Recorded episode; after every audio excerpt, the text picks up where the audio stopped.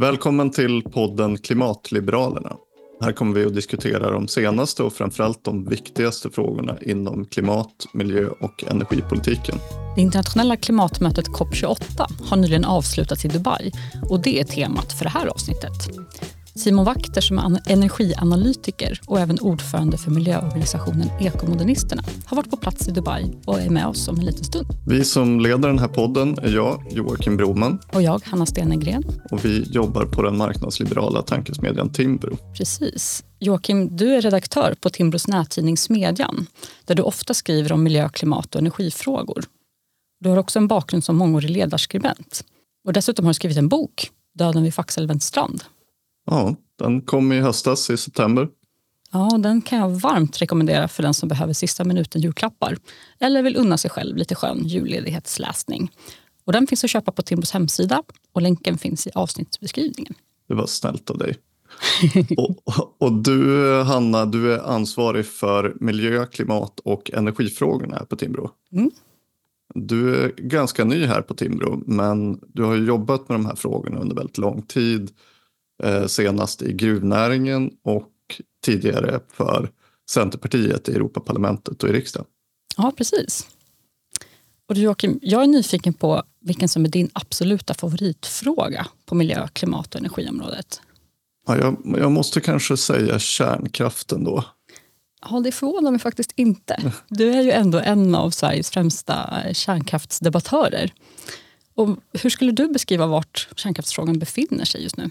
Ja, det är en bra fråga. Det är en rätt så intressant eh, situation nu där vi har en eh, politisk omsvängning i de här frågorna som är ganska tydlig eh, och där det finns en ganska stark ambition att få till en utbyggnad men där man fortfarande inte riktigt har kommit ända fram i det och, och det finns lite osäkerheter tycker jag kan man säga kring hur man ska få till en, en situation där ny kärnkraft verkligen byggs. Så det tänkte jag prata lite om idag. Spännande. Ja, för jag är ju ofta ganska nedgrävd i de här energifrågorna och eh, nu i veckan så har jag dykt ner en del i den diskussionen som handlar om eh, finansiering av ny energiproduktion och då särskilt kärnkraft. Dels så finns det den här deklarationen från ett antal stora länder Eh, under FNs klimatmöte om att man vill tredubbla mängden kärnkraft i världen. Det ska vi prata med Simon Bakter om om en liten stund. Eh, och för ett par veckor sedan då så meddelade regeringen att de kommer att tillsätta en utredning om hur en riskdelningsmodell ska se ut för att ny kärnkraft ska komma till stånd. Och det är då en del av en större färdplan mot ny kärnkraft.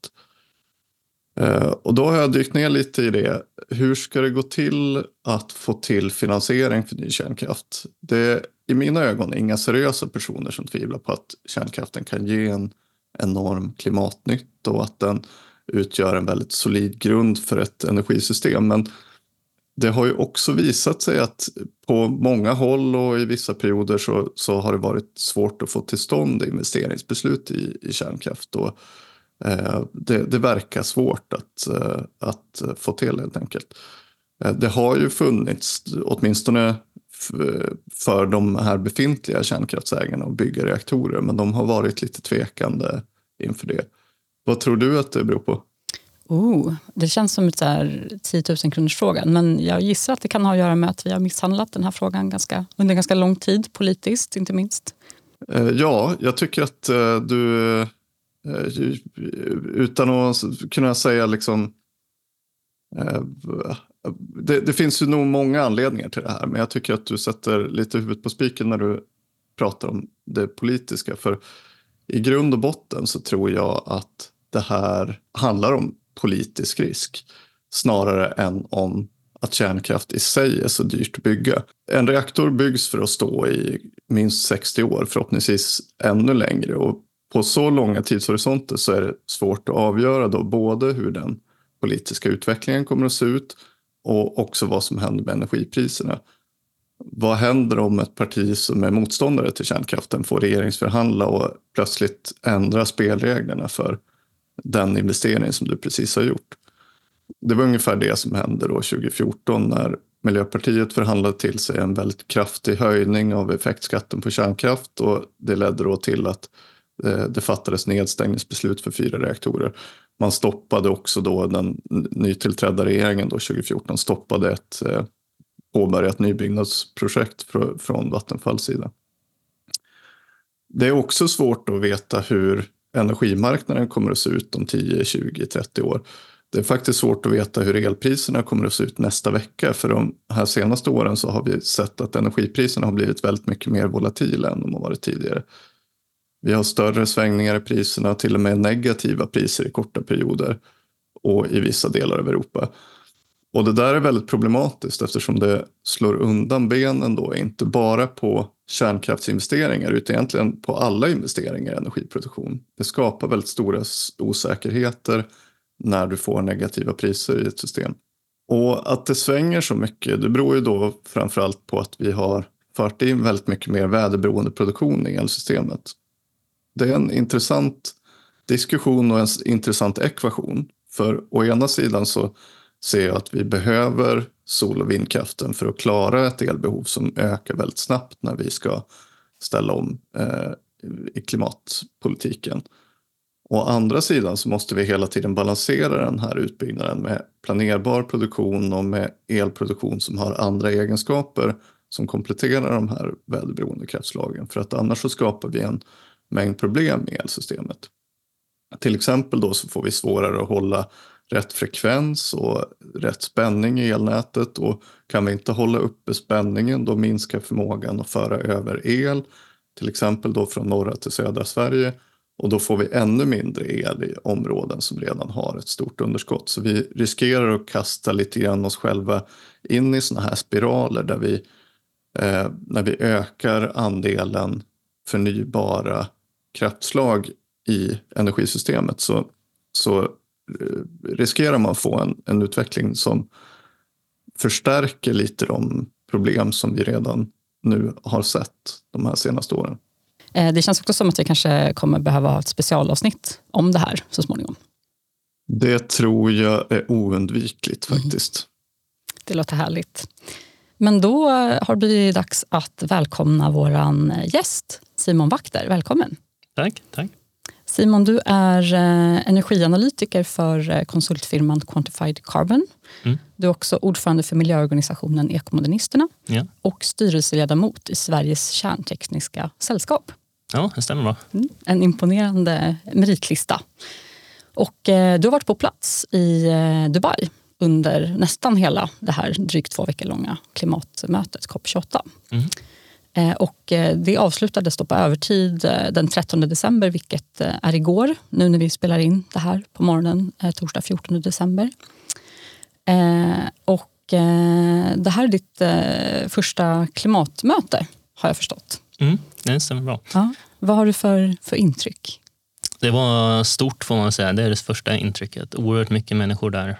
Eh, och eh, ja, imponerande organisation att få allting att fungera även om det fanns saker som inte fungerade så bra kanske. Ja.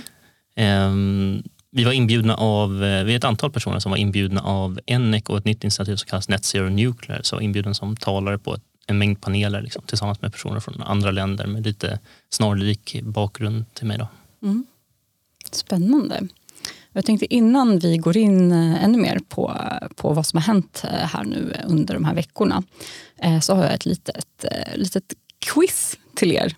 Ett litet koppquiz för att sätta det här lite i kontext vad det här mötet egentligen är. Vad det handlar om och varför vi har de här. Och då, den första frågan då, vad står egentligen COP för i COP 28? Eh, ja, det borde man veta känns det som. Jag tror jag kan. Ja, vill du testa Simon? Conference of Parties. Ja, snyggt. Eh, och conf Conference of Parties till vad då? Eh, to the UNFCCC. Snyggt, väldigt snyggt. För det är precis det, det är så här, de här begreppen slänger vi oss ju med hela tiden men, men, men just det där vad de betyder egentligen, det pratas väldigt sällan om.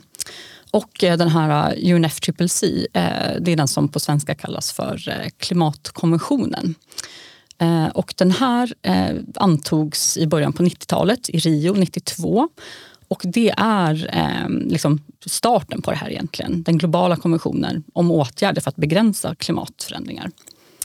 Och eh, den här konventionen så har i stort sett alla världens stater skrivit under och det är den här då som anger ramarna för de här globala klimatförhandlingarna. Och övergripande målet för den här är är just väldigt övergripande och saknar eh, kvantitativ precisering, till exempel temperaturmål eller någon form av mål som anger vilken högsta nivå som halten av växthusgaser får vara på för att de ska kunna anses stabiliseras. Och det här gör att det blir väldigt svårt att förhålla sig till. Så därför så har man då genom ytterligare överenskommelser sedan dess behövt precisera vad det här egentligen innebär. Och det är just de förhandlingarna då som sker genom den här COP-processen. Så att eh, COP28 eh, står alltså för klimatkonventionens 28 partsmöte. Så nu vet alla det. Eh, och då nästa fråga. Vilket var den första överenskommelsen under den här klimatkonventionen som hade rättsligt bindande åtaganden om utsläppsminskningar? Kan det ha varit Kyotoprotokollet? Ja, det stämmer.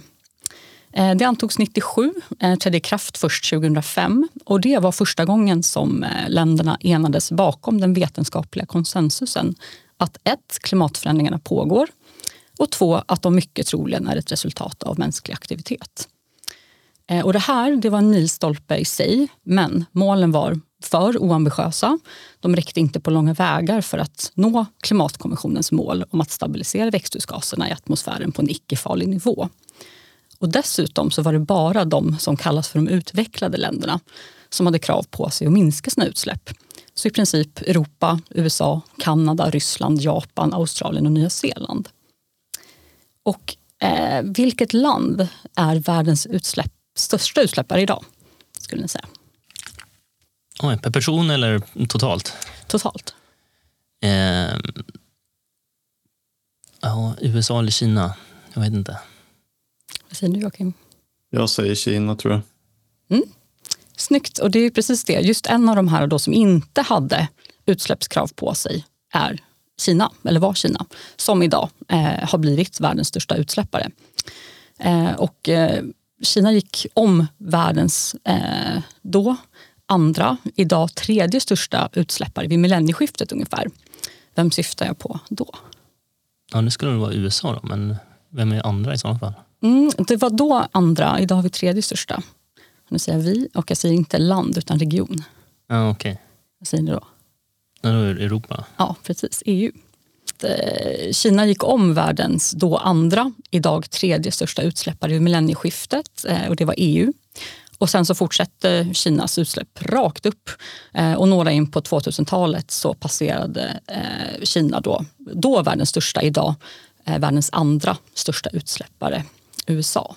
Och eh, just eftersom eh, både Kinas utsläpp eh, har ökat väldigt mycket men även andra länder som inte heller då hade bindande utsläppskrav eller några utsläppskrav på sig enligt Kyotoprotokollet var Indien till exempel.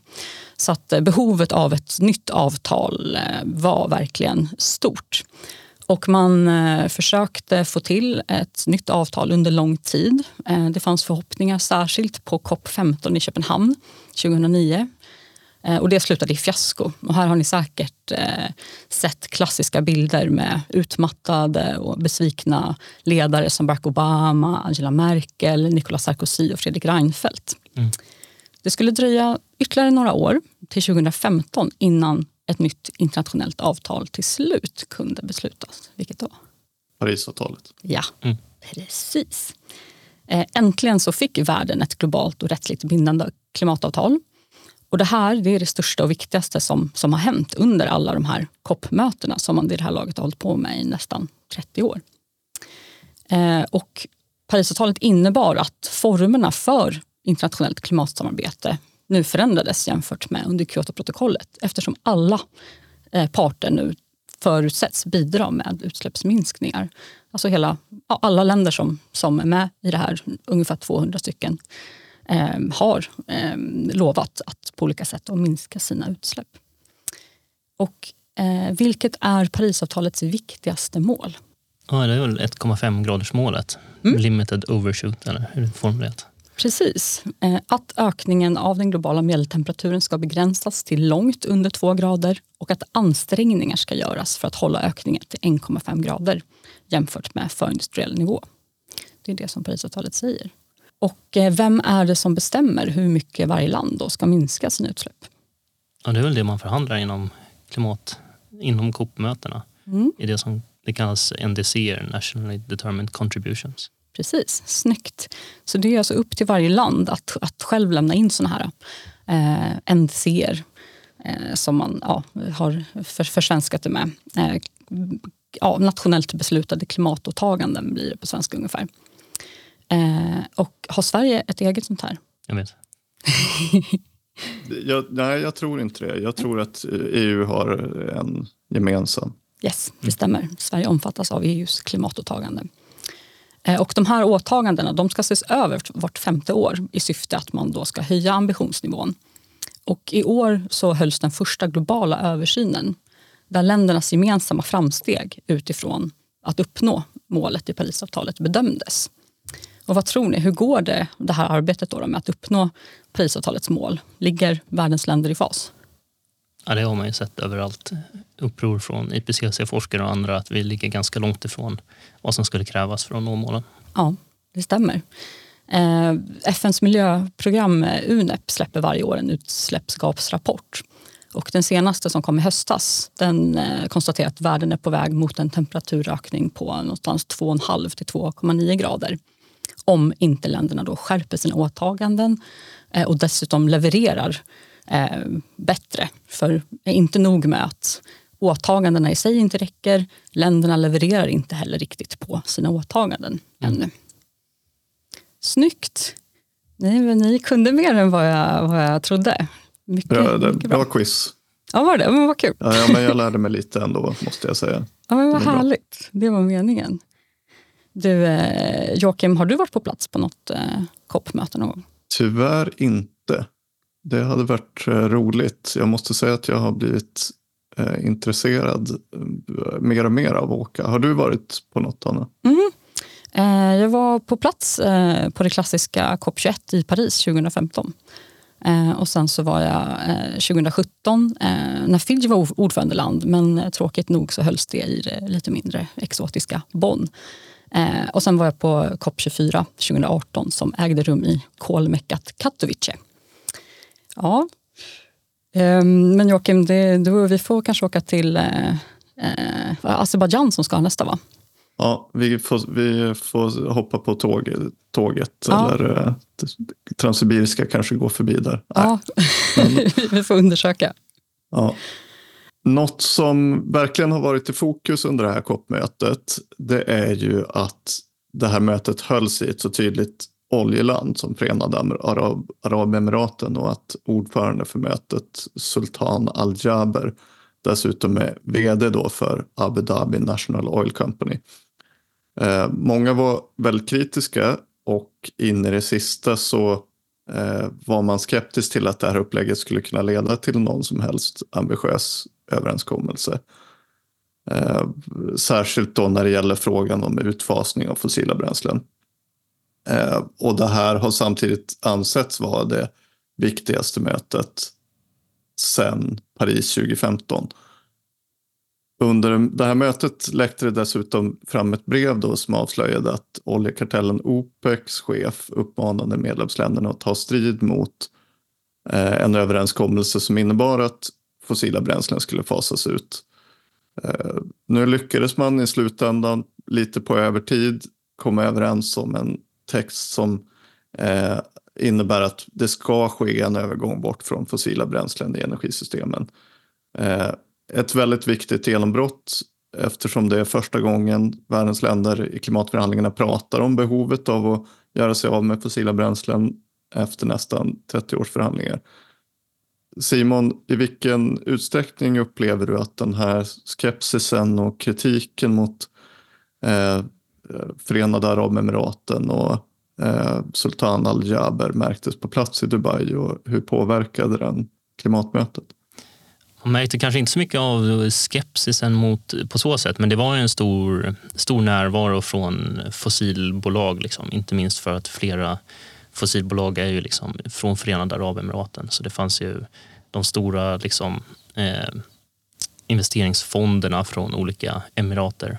Eh, de var ju på plats eh, och såg man med stora utställningar i Green Zone. Eh, sen annars kan jag tycka att eh, den här eh, upproret, eller vad man ska kalla det, mot eh, eh Förenade Arabemiraten som fossilstat. Jag har sett flera gånger i svenska medier om refererat till eh, på COP28 i fossilnationen Förenade Arabemiraten. Den tycker jag är lite missriktad. Det finns ju två grundläggande poänger med att man har det här i Förenade Arabemiraten. Det ena är ju att de är en stor producent av fossila bränslen. På det sättet så är de ju en viktig aktör, aktör inom det här arbetet när man pratar bland annat om just transition och så vidare, hur andra länder ska kunna klara sig. De kan ju inte bara sluta sälja. Liksom. Det, Dubai är en stad som byggts på 52 år innan det var en liten fiskeby. Liksom. Så för dem är det inte ett alternativ att bara sluta producera fossila bränslen utan de måste hitta något sätt att ställa om från det här.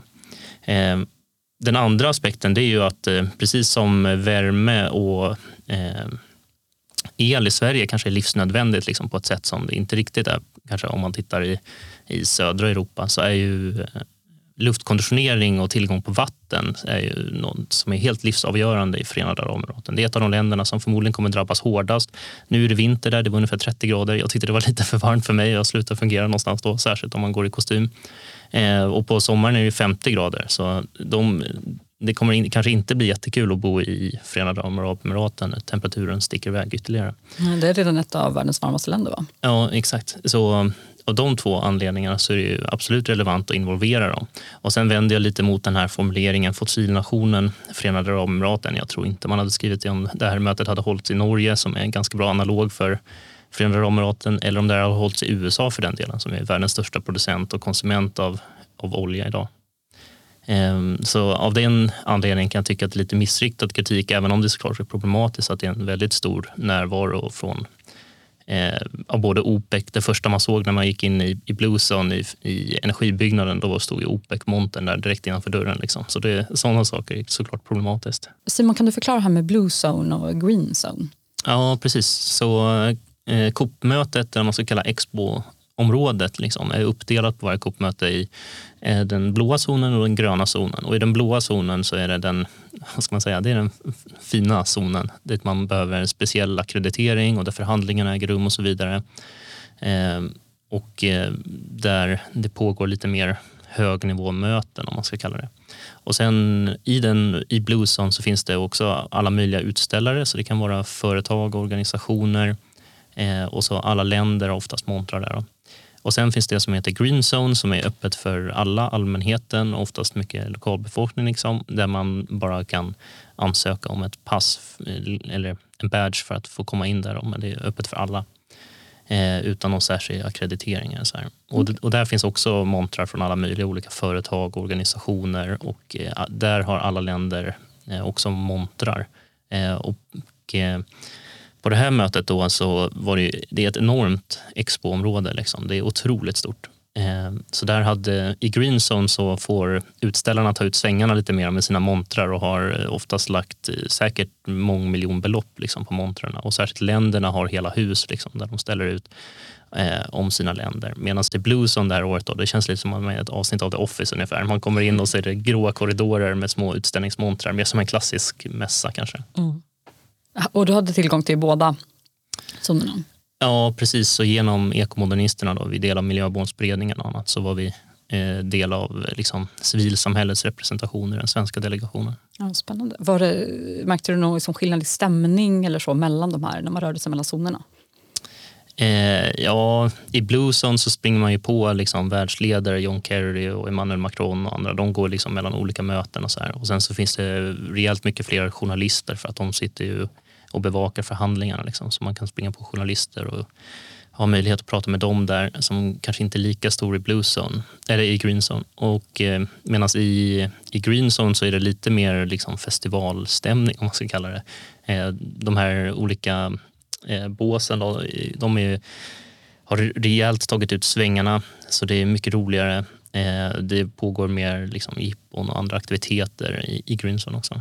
Eh, en viktig fråga som eh, har varit central för det här mötet och eh, det som har gjort att många bedömare har kallat just det här mötet för det viktigaste sedan Paris 2015 det är just att det var första gången som man gjorde en sån här global översyn, det som heter Global Stocktake på engelska. Eh, och här så utvärderas eh, ländernas klimatarbete. Och inför mötet så har, som vi var inne på, flera rapporter visat på att man inte eh, är på väg åt rätt håll. Hur gick snacket i, i Dubai om, om den här motsättningen? Ja, det var framförallt snacket då om att det, det var mycket motsättningar kring formuleringarna om, eh, om vad kallar man det på svenska, utfasning versus nedfasning. Liksom. Eller om man, som man nu kallar det, en övergång bort från fossila bränslen i slutändan. Eh, och sen det som, eh, sen finns det lite motsättning mot, ah, inom eh, förhandlingarna med andra frågor. Så det som man inte lyckades lösa på förra COP27 i Sharm el-Sheikh, det var ju den här Loss and Damages Fund. Eh, och där tror jag att de utvecklade länderna underskattade hur viktig den frågan är för utvecklingsländer och önationer som då eh, liksom satte sig emot i andra förhandlingar kanske för att de ville kräva ett mycket hårdare språk där. Men nu när man lyckades lösa ut Loss and Damages Fund första dagen, då kunde man gå vidare istället för att faktiskt börja förhandla eh, språket på utfasning, nedfasning av fossila bränslen. Så då, det gjorde att man kom framåt snabbare, tror jag, att man löste ut den frågan. Mm. Det är alltid, har varit under lång tid just eh, mycket prat om finansieringen. Både vem, vem ska betala och vem ska ha tillgång till pengarna och, mm. och för vad. Ja. Kärnkraften hamnade ju i centrum nu på ett helt nytt sätt i Dubai än vad det har varit i tidigare klimatförhandlingar. Eh, och då var det, som jag nämnde i inledningen här, ungefär 20 länder, lite drygt 20 länder, däribland USA och Sverige, Frankrike, som lanserade en deklaration om att man vill tredubbla kärnkraften till 2050. Eh, vilken betydelse tror du att den här deklarationen får och hur togs den emot på, på mötet och hur, hur ser du på kärnkraftens roll i klimatomställningen? Många frågor på en gång insåg jag nu. Ja, exakt. Nej, men kärnkraften har en viktig roll i omställningen. Tittar man på vad IEA, alltså internationella energi byrån kanske man får kalla det, International Energy Agency. De har sagt att eh, de viktigaste sakerna för att nå, eh, nå 1,5 graders målet och netto noll, det är att tredubbla förnybart till 2030, bygga dubbelt så mycket elnät till 2030, en utfasning av kol till 2040 och en fördubbling av kärnkraften till 2050. Och eh, genom den här sammanslagningen av länder då, som lov, utlovade en Eh, den ska man kanske tillägga att den är icke-bindande så vi får se vad man faktiskt åstadkommer också lite, lite skepsis. Eh, då har man ju utlovat nu en tredubbling av kärnkraften till 2050. Så då går man ju ännu längre och det är ju förstås väldigt positivt. Har, har, du någon uppfattning om matematiken? För det här är ju ett antal kärnkraftsländer. Alla länder är ju inte kärnkraftsländer. Så ifall de här 20 länderna plus några till kanske skulle tredubbla kärnkraften Mm. Skulle det ungefär motsvara en fördubbling om så att säga alla kärnkraftsländer gjorde det? Eller eh, har du någon uppfattning om storleks, eh, storleksordningen? För att jag, jag, är bara intresserad av att få lite grepp om så här, hur stort, eh, om, om vi tänker oss att det här var bindande, hur långt på vägen skulle vi vara då? Mm. Eh, världens två största kärnkraftsländer, USA och Frankrike, de är med i den här pledgen. Då. Så de var ju där och presenterade. Jag hade förmånen att få vara på plats också när de gjorde det där. Eh, Ryssland och Kina är inte med och det är just nu Kina som bygger mest kärnkraft. Jag tror att de har startat sex byggen i år och har som mål att starta åtta till tio byggen per år framöver. Så de kommer ju liksom stå för en stor del av den här tredubblingen även om de inte formellt var med. Sen, jag vet inte om Ryssland var inbjudna att skriva på det här eller inte för att det är ju liksom, ja, ganska känsligt just nu. Och, eh, men de gick, Ryssland gick ut och sa att man stödde den här eh, utfästelsen om att tredubbla kärnkraft. Eh, men jag kollade upp, eh, det var ju 22 länder som skrev på från början då när man höll det här eventet och sen eh, var det då eh, två ytterligare länder har tillkommit, Armenien och Kroatien, så det är 24 länder nu. Då. Och de 22 första länderna, jag gjorde lite koll på eh, ekonomin, de står för 44 eh, procent av världens BNP, så det är liksom en betydande andel av världens länder som ställer sig bakom det här. Och eh, jag tror att bara de indirekta effekterna av det intresset, med så stor uppslutning bakom att eh, en massiv expansion av kärnkraften kommer att få effekter liksom på intresset bland investerare och företag att ta del av den här kakan. Då, man ska säga.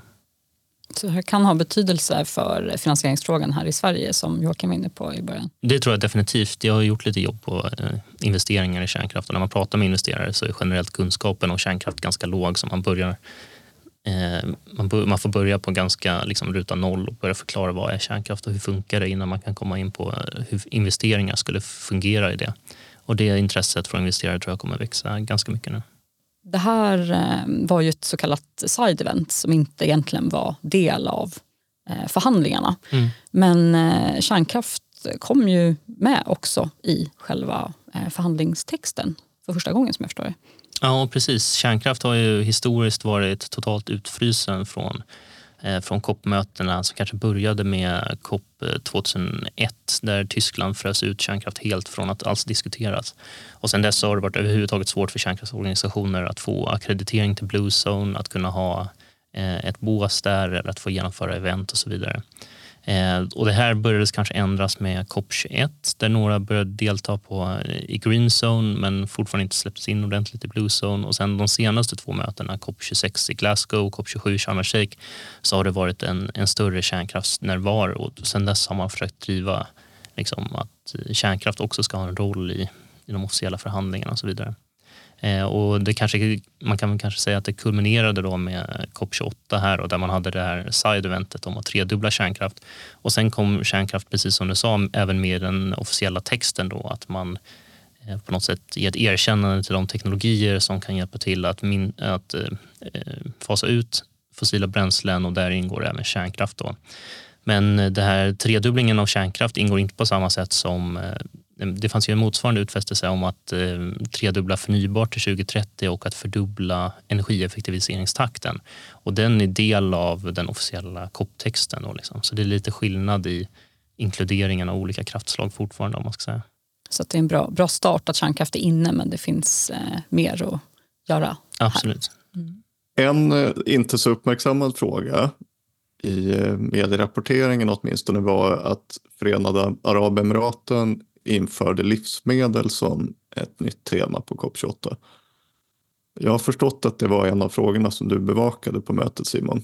Ja, bevaka vet jag inte, men vi var ju på plats för att driva ett antal frågor från ekomunisterna och vår vad ska man kalla det, internationella paraplyorganisation Replanet. Så förutom energifrågan, där vi lanserade en kampanj som heter Switch On Africa, så var vi också på plats för att bevaka livsmedels eller jordbruksfrågor snarare. Och där, mm. eh, där driver vi ett antal frågor som handlar bland annat om eh, större acceptans för GMO som ett, eh, både för liksom det som kallas klimatanpassning eh, för att ha grödor som tål torka och mycket regn eller så vidare och sen också för att det är avgörande verktyg för att minska klimatpåverkan från jordbruket för att vi inte kan fortsätta expandera jordbruket liksom i den landmassa man tar upp och för att det måste bli effektivare så man får högre avkastning på jordbruket. Eh, och vi fann väl att eh, det fanns eh, rejält många organisationer och flera länder som hade event på den här. Det finns olika tematiska dagar. Liksom. Så på jordbruksdag, eller livsmedelsdagen då, så hade ju flera länder, bland annat Danmark, hade ju event om, om GMO och om precisionsfermentering. Alltså att man på konstgjord väg tillverkar proteiner eller fetter eller annat från, eh, som man annars inte skulle kunna utvinna och även på lite effektivare sätt möjligen. Eh, så vi fann ju att många länder driver de här frågorna lite kraftigare nu än förut och det var ju överraskande. Mm. Och GMO står för genmodifierade grödor. Ja, exakt. Mm. Och det är någonting som man också inom EU fortfarande inte är helt överens om, som är fortfarande ganska känsligt. Precis, EU har ju lite tudelad stans. Eh, nu hade man precis en ny lagstiftning om CRISPR som är liksom den, det som brukar kallas gensax eh, som jag tror att man godkände. Eh, det gick igenom, jag vet inte om det har gått igenom hela vägen i alla omröstningar ännu. Eh, men samtidigt har man lite tudelad stans då för att eh, man driver samtidigt ekologiskt jordbruk och ekologiskt har många mm, goda kvaliteter, framförallt kanske blötare jordar och så vidare Eh, där man behöver ploga. Men eh, det innebär ju också ett totalförbud mot GMO, ekologiskt jordbruk. Och både EU och Sverige driver ju vissa mål för ekologiskt jordbruk. Man vill driva ett 30% mål liksom för att allt jordbruk ska vara ekologiskt. Och det innebär ju, samtidigt som man godkänner GMO, det innebär ett förbud mot GMO. Så det är lite tudelat. Ja, verkligen. Det motsäger sig fullt. Eh, just eh, jordbruket är ju, eh, eller liksom livsmedelssystem då, eh, att det både står för en så stor andel av utsläppen, en tredjedel av de globala växthusgasutsläppen mm. och att de så tydligt också drabbas av klimatförändringar mm. när det är torka, översvämningar och andra mm. extremväderfenomen.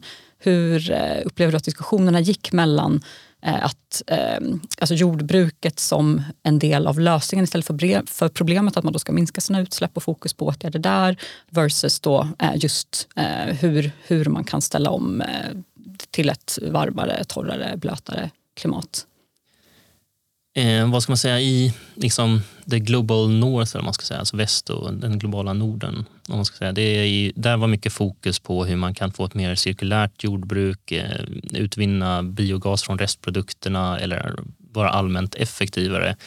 I eh, Global South och de paviljongerna, där handlar det om att de överhuvudtaget ska kunna producera tillräckligt mat för att liksom få mat till sina befolkningar. Så det, det är en stor skillnad i hur diskussionerna går där. Eh, och där handlar det mycket om att, eh, jag såg det kom en ny vetenskaplig rapport då, som sa att eh, med befintliga verktyg som vi har i västvärlden, Global North idag, om eh, Afrika hade tillgång till de verktygen i sitt jordbruk, då skulle vi kunna möta all eh, eh, all produktion av mat för en, även med en växande befolkning i Afrika utan att ta i anspråk någon ny landmassa. Eh, så det handlar alltså om väldigt enkla saker som att få tillgång till maskiner, och, alltså traktorer och så vidare. Skördetröskor för att kunna få högre avkastning med samma arbetade timmar. Det handlar om bevattning eller att kunna gräva liksom bevattningskanaler för att inte ha eh, för blöt mark också. Eh, och det handlar om tillgång till bättre grödor, alltså utsäde för att kunna odla grödor av högre kvalitet och liksom moderna GMO-grödor och så vidare. Eh, och med de här verktygen då så skulle vi kunna hålla jordbruket i Afrika till samma footprint som det är idag, även med en, kraftigt ökande befolkning. Vi vet att många länder i Afrika har fortfarande liksom en hög spädbarnsdödlighet och en ganska kraftigt ökande befolkning. Det låter väldigt All... lovande. Förlåt, Joakim, känner. Ja, otroligt intressant. Eh, det, här får vi också återkomma till i ett uh, framtida avsnitt. För det, det ja, är verkligen intressant att höra. Verkligen. Ja, det här blev ju ett eh, superintressant eh, samtal och eh, vi har redan eh, spännande upplägg till eh, kommande avsnitt att fortsätta eh, gräva vidare i. tack snälla Simon för att du kom hit. Tack så mycket Simon. Ja, tack så mycket för att jag fick vara med i premiäravsnittet, eller hur? Ja, jätteroligt. Och Joakim, vilket superintressant samtal det blev med Simon. Vad, ja. vad tar du med dig framförallt?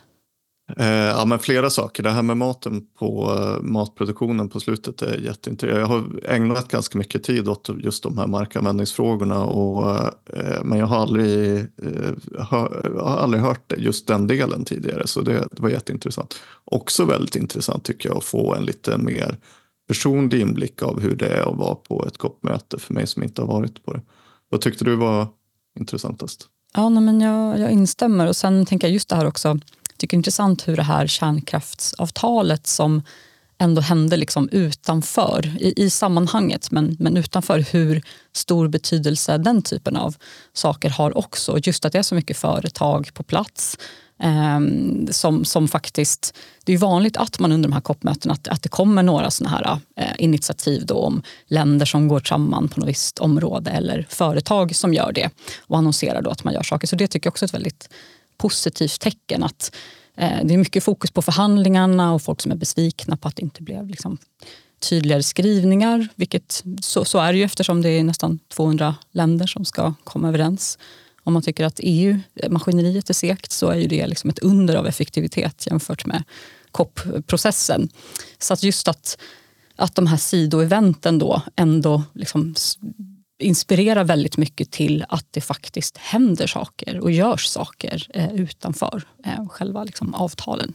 Ja, jag, jag håller med. Och sen så tycker jag också liksom att har man varit i politiken så inser man ju att tyvärr så är det ju så här politikens kvarnar mal. Man går ett steg i taget. Det, det blir sällan de där stora liksom, revolutionerna som, som verkligen löser allt på, på ett bräde. Därför att politik är avvägningar, målkonflikter eh, och eh, det, det tar tid att så att säga nöta ner sådana och att lösa sådana. Så Eh, det, men, men jag håller med, de här sidospåren eh, gör ju desto mer då för att inspirera och, och skapa lite hopp om att det, det, det, här kan ändå bli ganska bra i slutändan. Mm, precis, alla, när liksom alla ungefär 200 länder eh, så där både liksom fossilproducenterna, fossilkonsumenterna och eh, små önationer som liksom vars, vars liv hotas av klimatförändringarna. När alla de ska skriva under samma avtal och alla ska kunna eh, hävda då på, på, sin pressrelease att man, att man hade något att vinna på att vara med på det här avtalet. Särskilt eftersom alla har veto. Då, ja, det säger sig själv att eh, det blir små steg i taget, små viktiga steg. Ja. Ja, men nu när eh, klimatmötet avslutat, eh, julen är mindre än två veckor bort, eh, då skulle man ju kunna tro att årets klimatår är avslutat. Men så är det inte i år. Ja, vi har ju regeringens klimatplan att se fram emot. och den ska då enligt klimatlagen läggas fram i år. Och både ryktet och förnuftet säger då att den borde komma under nästa vecka om de inte tänkte smyga ut den precis i mellandagarna. Det låter osannolikt tycker jag. Så den eh, ska vi nog kunna se fram emot nästa vecka skulle jag tro. Mm, härligt. Och sen har vi även en energipolitisk inriktningsproposition att se fram emot innan vi går, upp, går till julbordet. Härligt. Då har vi lite specialavsnitt att se fram emot också.